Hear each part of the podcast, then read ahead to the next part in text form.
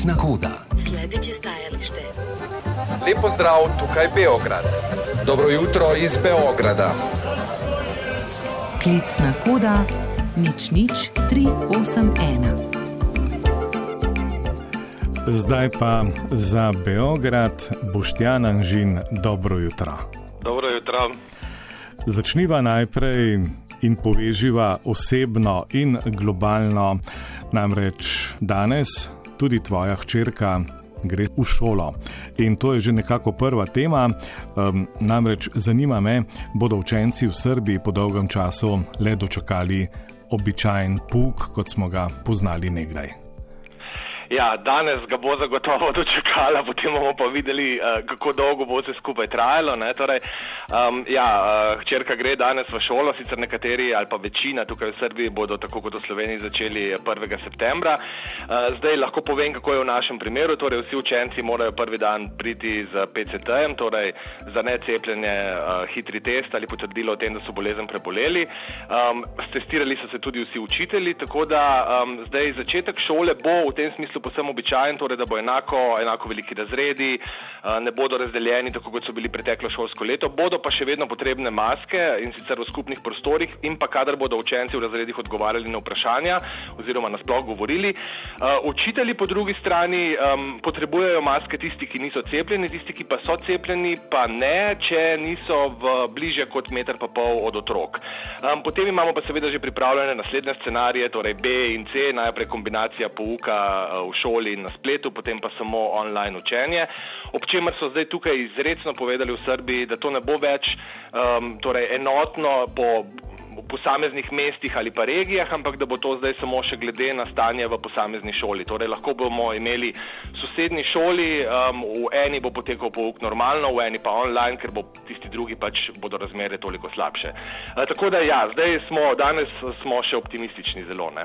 Mm, bomo videli, koliko časa bo ja. optimizem obveljal.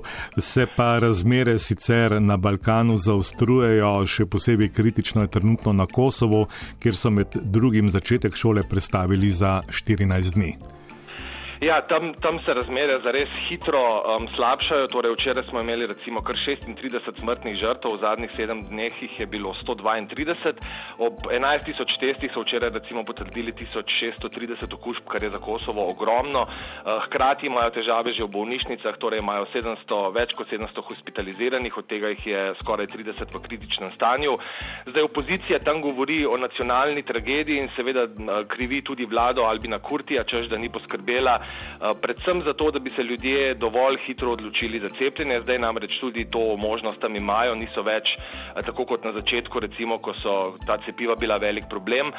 No, vlada se je zdaj pač odločila za ukrepe, tako so spet uvedli to nočno policijsko uro, omejitev gibanja, torej med 22 in 5. Gostinski objekti se ponovno zapirajo ob 21.30, strežejo samo še na prostem eh, in kot si dejal, 14 dni še brez šole. Sicer je pa, moram reči, podobno ali pa stanje se zelo poslabšuje v številnih državah, recimo v Severni Makedoniji, tam zdaj spreminjajo pogoje za vstop v državo, bo potrebno cepljenje ali PCR test, dolgo časa je veljalo, da si tja lahko prišel brez vseh potrdil. Podobno je v Črni Gori, kjer med drugim tudi ukinjajo brezplačno testiranje za turiste. V Črni Gori imajo trenutno največ aktivnih primerov na 100 tisoč prebivalcev v regiji in v bistvu imajo okrog 600 novih primerov dnevno, kar je spet ogromno za državo s toliko prebivalci. Uh, in pa seveda to ni čudno, ne glede na to, da so imeli za sabo turistično sezono, ki so jo želeli izkoristiti, ker je pač uh, to dejavnost, od katere ta država živi. Uh, skratka, ja, razmere se poslabšujejo, posod poskušajo um, zagotoviti učencem to šolo, recimo tudi v Bosni in Hercegovini, ker so pa prišli do tega problema, da nimajo zakonskih uh, podlag za to, da bi lahko um, učencem zapovedali, da morajo nositi maske, zato bo to v bistvu prepuščeno učencem oziroma njihovim staršem, kar zna biti pa potem problem, ker bo v enem razredu polovica otrok z maskami, polovica brez. Mhm. No, če pogledamo še malo širše po regiji, si noči je bilo zaradi ukrepov v zvezi s koronavirusom spet zelo vroče v Grčiji. Tam se nadaljujejo protesti proti obveznemu cepljenju nekaterih skupin. Ja, to je še ena vroča tema v bistvu po celotni regiji, torej ali uvesti to obvezno cepljenje recimo za zdravstvene delavce, za tiste, ki delajo v domovih za starejše ali ne. In v Atenah so včeraj okrog 7000 ljudi je prišlo, pač izrazili svoje nestrinjanje s tem.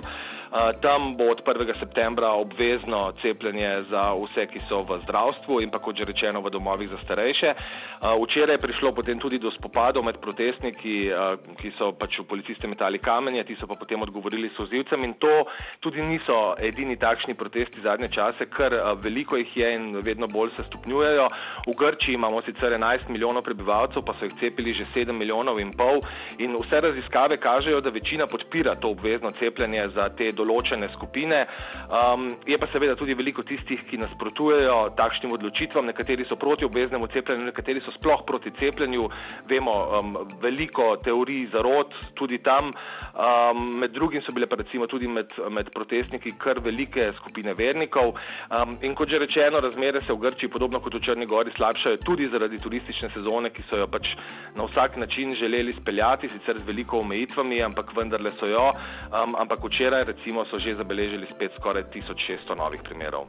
Boštjan, omenil si Črnogoro, tam je do umestitve novega črnogorskega metropolita Srpske pravoslavne cerkve sicer še slab teden, 5. septembra naj bi ga umestili na Cetinju, ampak razmere so napete že zdaj. Zakaj? Ja, predvsem zaradi kraja, kjer bo do te umestitve prišlo, čeprav po drugi strani je to seveda kraj, kjer so vedno potekale te umestitve, ampak razmere v Črni Gori so trenutno res tako napete eh, med Črnogorci in Srbi. Recimo, um, sestajal se je na to temo Svet za nacionalno varnost, predsednik Milo Đukanovič je crkvo recimo pozval naj zaradi vse te napetosti, do katere je prišlo, um, od, se odloči in prestavi v kakšen drug objekt Srpske pravoslavne cerkve v Črni Gori, dovolj jih je. Um, tisto, zaradi česar pravzaprav vse to zdaj spremljamo, je pa. Kot že rečeno, da bo do te ustoličenja prišlo v Cetinskem samostanu, ki je pa nekakšen stoletni simbol črnogorske duhovne, državne, nacionalne samobitnosti, svobode. In um, mnogi kritiki um, novega metropolita Joannikija pač trdijo, da ga Srbija sem pošilja samo zato, da bi okrepil ta srbski vpliv, ki je že sicer predvsej močan v Črni Gori. Đukanovič je zato pozval, naj se slovesnost odvija kje druge. Po drugi strani imamo zdaj srbskega predsednika, ki se še ni odločil, ali bo prišel na umestitev, ker ve, da bi seveda s tem prilil olje na ogen. Po drugi strani bi se mu pa lahko zgodilo, da če se bo to zgodilo na Cetinju, da bi lahko med protestniki srečal tudi svojega črnogorskega kolega Mila Đukanoviča, ki je dejal, da mu če bo prišlo do tega umestitve na cetenju, ne bo preostalo drugega, kot da gre med protestnike. Um, imamo na drugi strani vlado, torej vse to je takoj obsodil premijer Krivokapič, ki prav Đukanoviča obtužuje, da je zdaj tisti, ki ustvarja napetosti um, in um, Krivokapič je prepričan, da zaradi tega, da bi preusmerjal pozornosti in recimo med drugim ustavil boj proti organiziranemu kriminalu. Um, tisti, ki se imajo recimo temu za Črnogorce, vidijo zdaj zadnjo priložnost, da se uprejo recimo temu uh, klerikalizmu, turizmu, po drugi strani pa metropolit Joanniki ne pristaja na to, da bi se eh, umestitev zgodila kjerkoli drugje, ker se je tu zgodila tudi za 40 njegovih predhodnikov. Um, in kot je dejal, je, da če nočejo miru, bodo imeli preklestvo, kar pomeni, da je vse skupaj samo še bolj razburkal. Um, zdaj srpska pravoslavna crkva seveda prevladuje v Črni Gori, čeprav si tam pri, nekako prizadevajo za priznanje svoje črnogorske pravoslavne crkve in eh, ko je prejšnja vlada pod vodstvom Džukanoviča Miloševičevih socialistov sprejela ta verski zakon, za katerega so v srpski pravoslavni cerkvi trdili, da je napisan predvsem zato, da bi jih razlastil, je takrat prišlo do velikih protestov, ki so kasneje potem pripeljali tudi do zamenjave oblasti in torej do tega, da zdaj državi vladajo prosrpske, proruske stranke. In uh, v tem času je pač do, prišlo šo, še do večjih delitev, tako da um, zares je zelo napeto. Um, zdaj že zelo dolgo in te dogodki no, ne, ne obetajo nič dobrega. Tako da se bojim, da je pred Črnogoro en zelo, zelo vroč teden. Reciva ob koncu še kakšno o Cirilici. Namreč Srbija sprejema zakon, ki je to pisavo zaščitil, kar v Beogradu, pa tudi v Banja Luki, torej Republiki Srpski, vidijo kot pomemben korak zaščiti srpske narodne identitete in krepitve enotnosti. Ja, cirilica je ena a, pomembna stvar, no že sedaj recimo vse te sa, obvestila za javnost, ministrstv in podrobnih, pod drugih stvari pač najprej dobimo v cirilici, potem traja pri meni recimo mečkan dlje kot v latinici, da se prebijem čez vse to. Ampak ja, o tem zakonu o zaščiti srpskega jezika v javnem življenju in ohranitvi cirilice, kot se uradno imenuje, se, želo, se v bistvu zelo dolgo govori, pripravljen pa naj bi bil do 15. septembra, ko tu praznujejo dan narodne enotnosti, svobode in zastave. Zdaj dokument naj bi bil med Banja Luko in Belgradom že usklajen, ni pa še javen.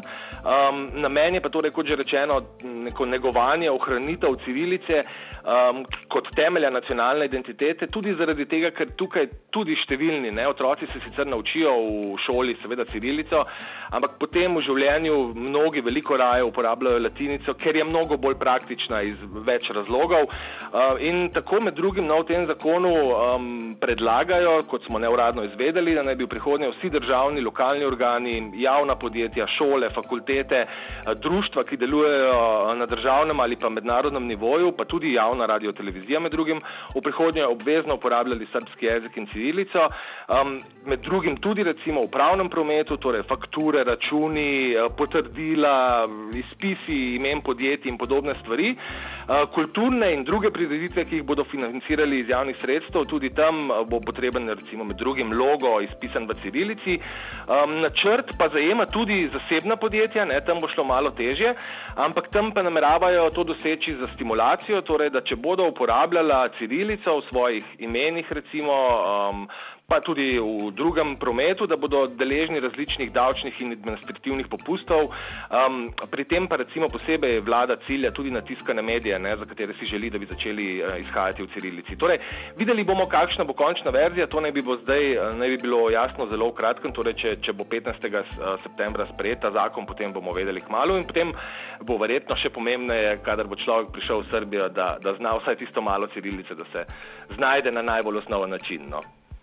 Ja, ker drugače lahko nastopijo seveda tudi težave in zapleti. Uh, sicer pa, ko smo že pri tej recimo medsebojni komunikaciji, um, tule imamo pripravljeno eno skladbo um, s takim zelo pomenljivim naslovom. Boštjan pa me zanima, v Beogradu in na beograjskih ulicah je še mogoče slišati tisto dečko, ajde oladi, kadar je morda kakšen mladenič preveč zagret za kakšno dekle, ki pa seveda ne čuti enako.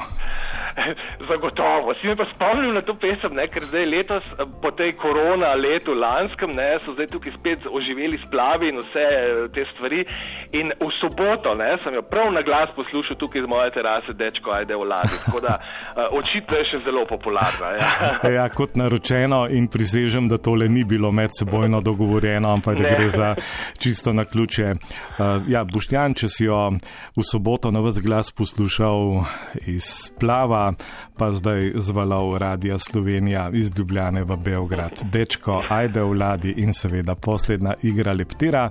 Boštjan, um, hvala lepa in uspešen teden v Beogradu.